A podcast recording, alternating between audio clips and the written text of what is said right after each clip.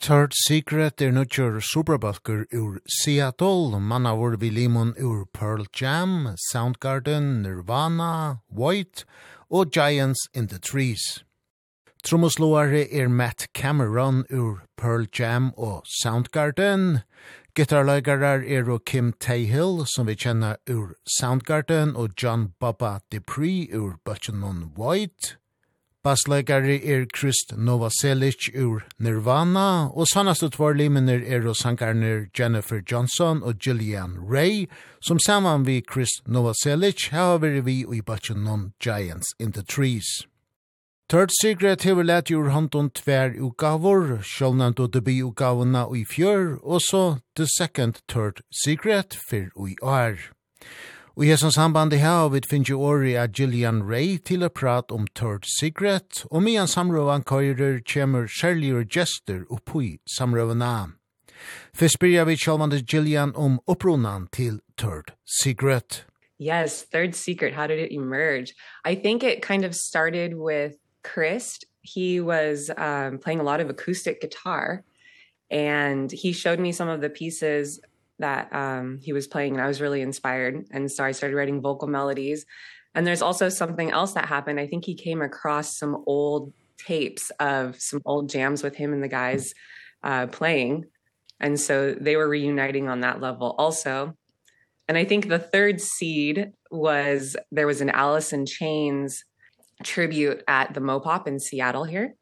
And so Jennifer and I and Kim and Chris played the song Drone so I think the amalgam of all those things kind of yeah planted a nice beautiful sound garden a beautiful I had to but yeah it's just we're having so much fun writing together And what about the other members? How did you get in contact with them and um... Sure. Yeah, Jennifer, I knew Jennifer from um some pre previous folk projects that we had, and that's kind of where the rich harmonies come in.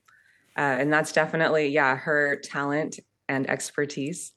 And um you know, Chris, Matt and uh Kim and Bubba, they all just have known each other for so long. And so yeah, it's beautiful to be brought into that and be able to play with all these amazing musicians.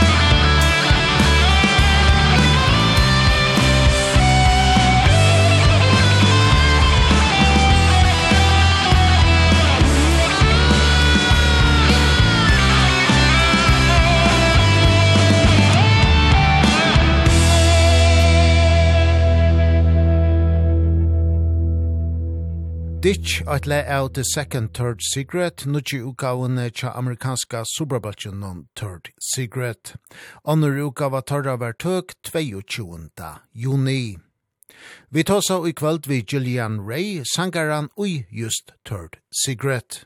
It was was it the plan from from the beginning that you should uh, record new music?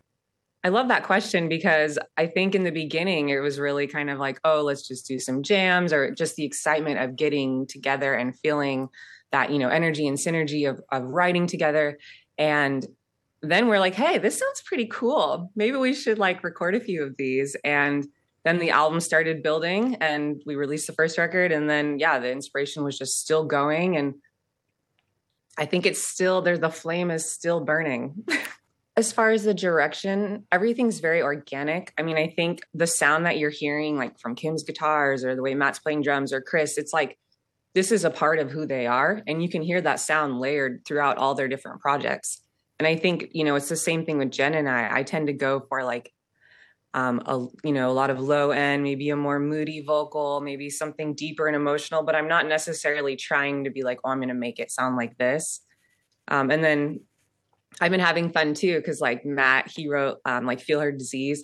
Like he wrote that song on the last record and then so I got the opportunity to sing in a way that maybe I wouldn't normally sing like more peppy and like go go and so yeah it's been really it's fun and it's yeah it's always open to like where the song wants to go and everyone is there to serve the song. And so yeah the different elements will come in according to like maybe the mood and feel of where the song is going there are uh, some very experienced musicians in the band. Uh, did you learn do you learn a lot being with these musicians?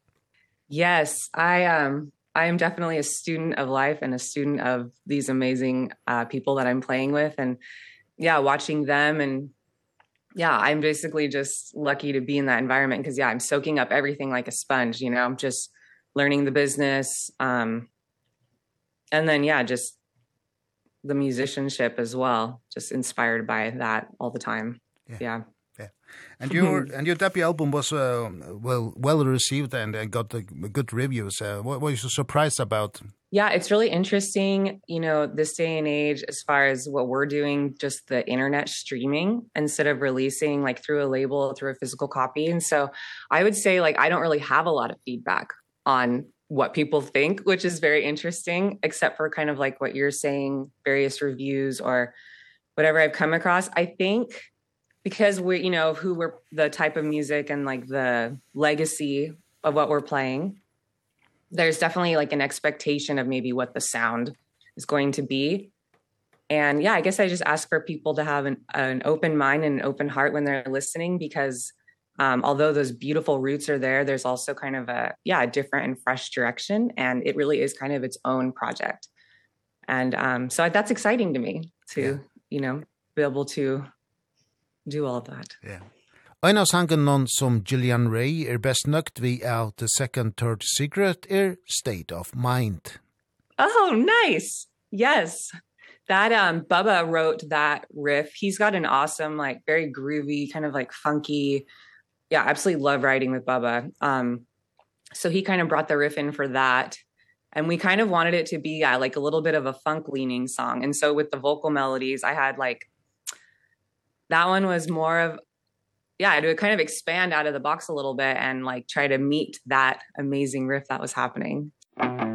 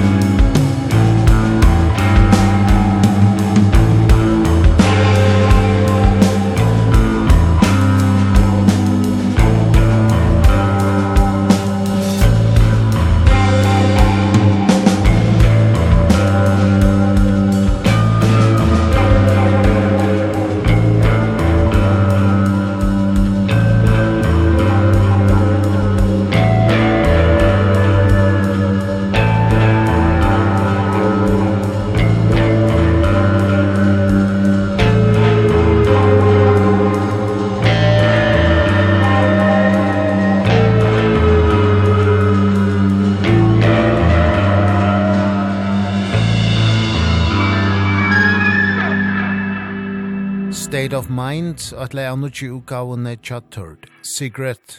Subrabøtjen noen ur Seattle, som er manna vår vi limon ur Pearl Jam, Soundgarden, Nirvana, White og Giants in the Trees. Andre utgava Torra, Second Third Street, var utgiven fyr ui år. Etter at sjålnenda debutgavan vær tøk i fjør, vær rettelig kjøtt avgjørst at færre skulle de undra skriva tøvnlag til en annutja utgava. Gillian Ray er sankari i tørd. Secret. I think we just took a few months off. I feel like it went by really fast and then you know the email box starts lighting up like oh hey i wrote this song like check it out and it's really neat cuz uh we don't all live near each other so you know again that virtual world of being able to work remotely has been really great. And yeah i just i have uh, my mic set up just right here and i just do my little home studio demos and kind of just get the feel and then we all get together to do like final recordings and stuff. Yeah. So so the, the writing process is that you're sending ideas between you you're not sitting together. Okay i'm really glad that you asked that because i wanted to expand on that a little more. Um because the first record was written a little bit more that way But the second record, that's kind of my vocal process is I do that, but as far as like we were all together for the writing and formation of the songs in Seattle. And then um and then yeah, we would kind of, you know, split ways. I would work more. And we would all get together again. So the second record is way more in person in the same room. And I feel like you can really hear that and you can feel that. And like the songs are just yeah, they're just a little bit more rock and yeah, I just yeah, I love writing in the same room, but it's nice to have all the technology and all of the spaces. And I definitely go into hermit mode for when I'm writing my parts. Like I get the general download or feel of what the music's going to be like in the room when we're writing. And then I go home and just pour into it and create a whole new world and research what I'm writing about and just go crazy and just get way into it and then bring it back to them. Yeah. yeah. And where did you get inspiration from when you read music? Ooh, I am yeah, I'm inspired by everything. Like you and I could be having a conversation and like let's say maybe I'm already thinking about something or maybe I had a like a dream that morning and you say something and it will like spark something. So then I would start writing about that or if I'm feeling an emotion. Um but like with writing with the band, like the song, the mood, the mood of the music, it's already telling a story.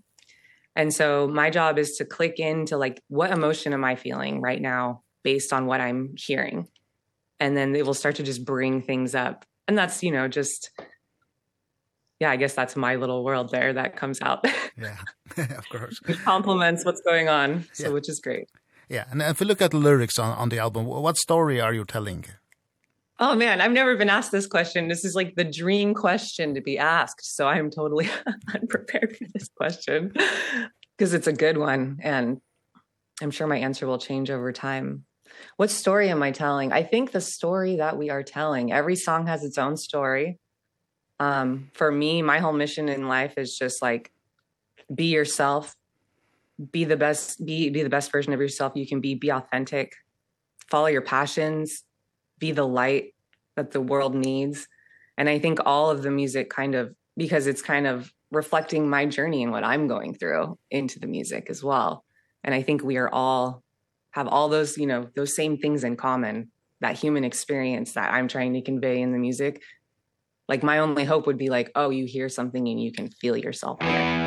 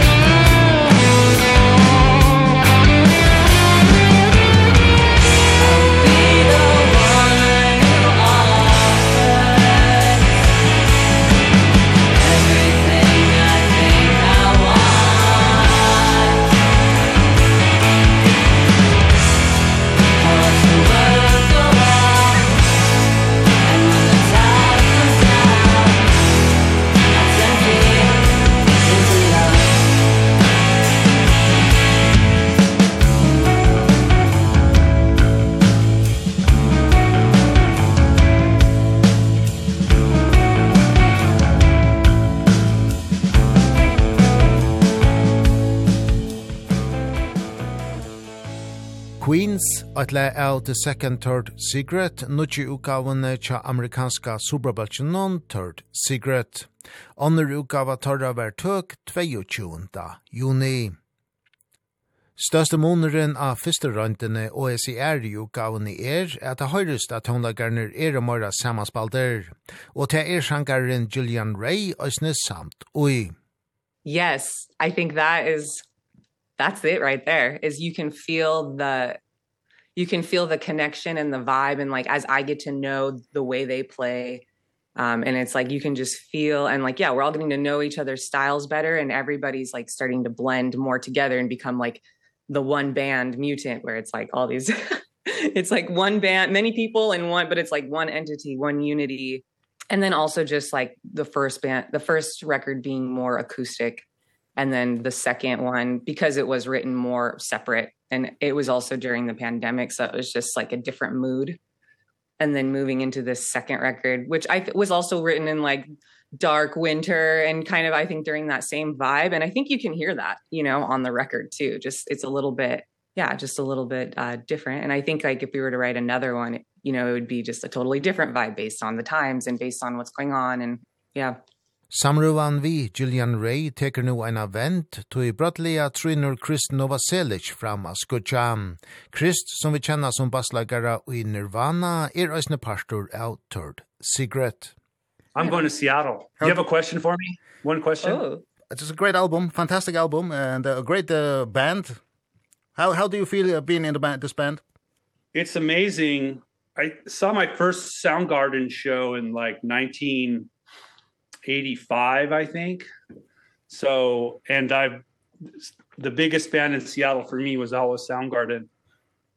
So to be in a band with Matt and Kim is amazing.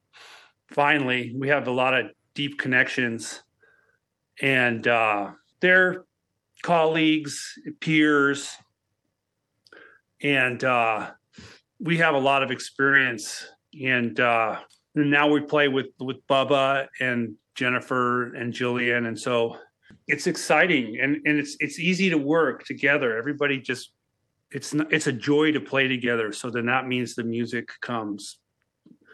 Um it's not necessarily easy, but it is like it's a joy. So and I hope it shows on the records. We have two records now and we're like the biggest band that nobody's ever heard of. yeah. So I think this is like our first interview, right? Yeah. And uh so we don't we do these videos, we do live videos and uh they're just performances. So that's it gives us we like to play together, so that gives us an excuse to to make music. So why would we want to like lip sync? So we play music and then um maybe we'll do a show. We did kind of an acoustic show uh yesterday, day before yesterday. Yes, that was so fun. and it was with Matt Cameron. He played some guitar and and a bass. And we did songs off the first record, the acoustic songs. Mm -hmm. Just a local show. There was like maybe 100 people. And then uh But that was our first show. Kind of our okay, first show. Yeah. yeah. We have no plans for another show. We don't have any you know, we just kind of off the radar band. So we'll see what happens. Maybe we'll come to the Faroe Islands in the summer. I bet it's really nice there. Wow, that would be amazing. Yeah, I'm going to go look on the map. Yeah. Nice. Well, nice to meet you. Cheers. Yeah, same to you. Yeah. Thanks for coming in. Thank yeah. you, Chris. Yeah. Yeah. Awesome.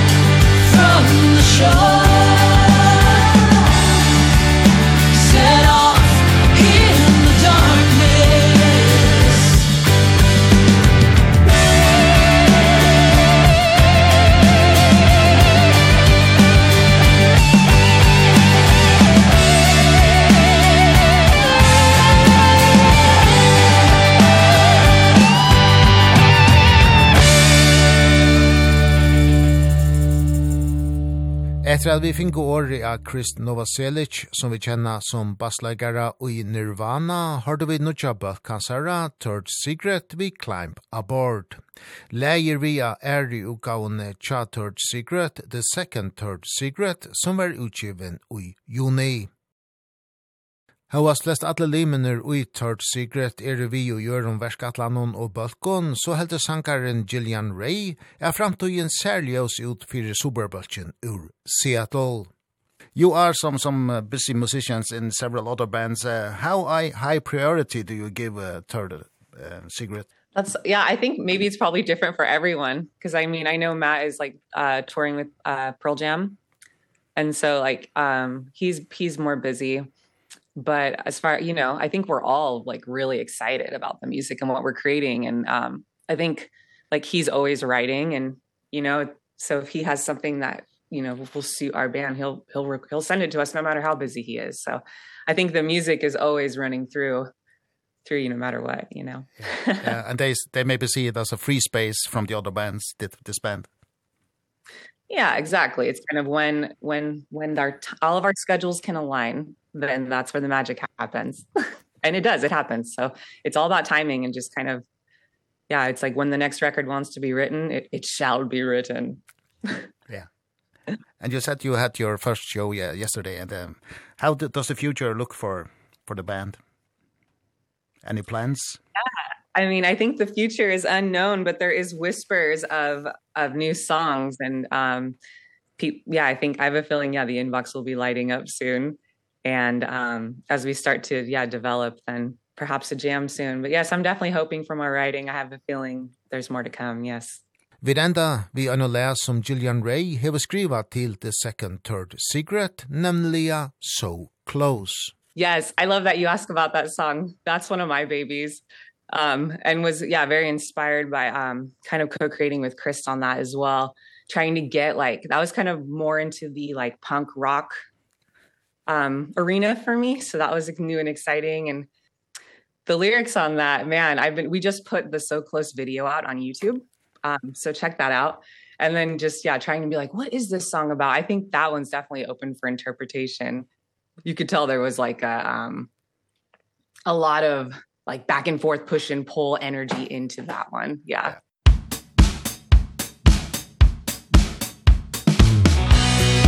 Picture yourself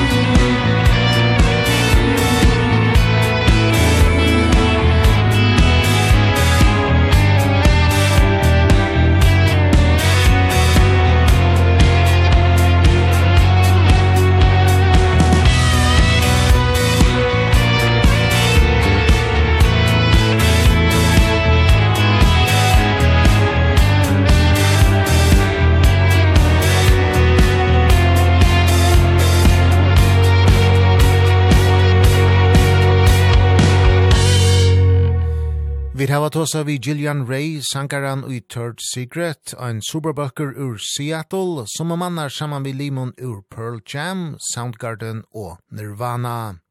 Vi pratar vi om Third Secret og er i uka av torra The Second Third Secret. Baslagaren Chris Novoselic, som er kjentur ur Nirvana, kom pura oanta og på i samrøvna, og han hei bergå åra bera Third Secret. Vi enda vi Lennon So Close, som er vi av The Second Third Cigarette.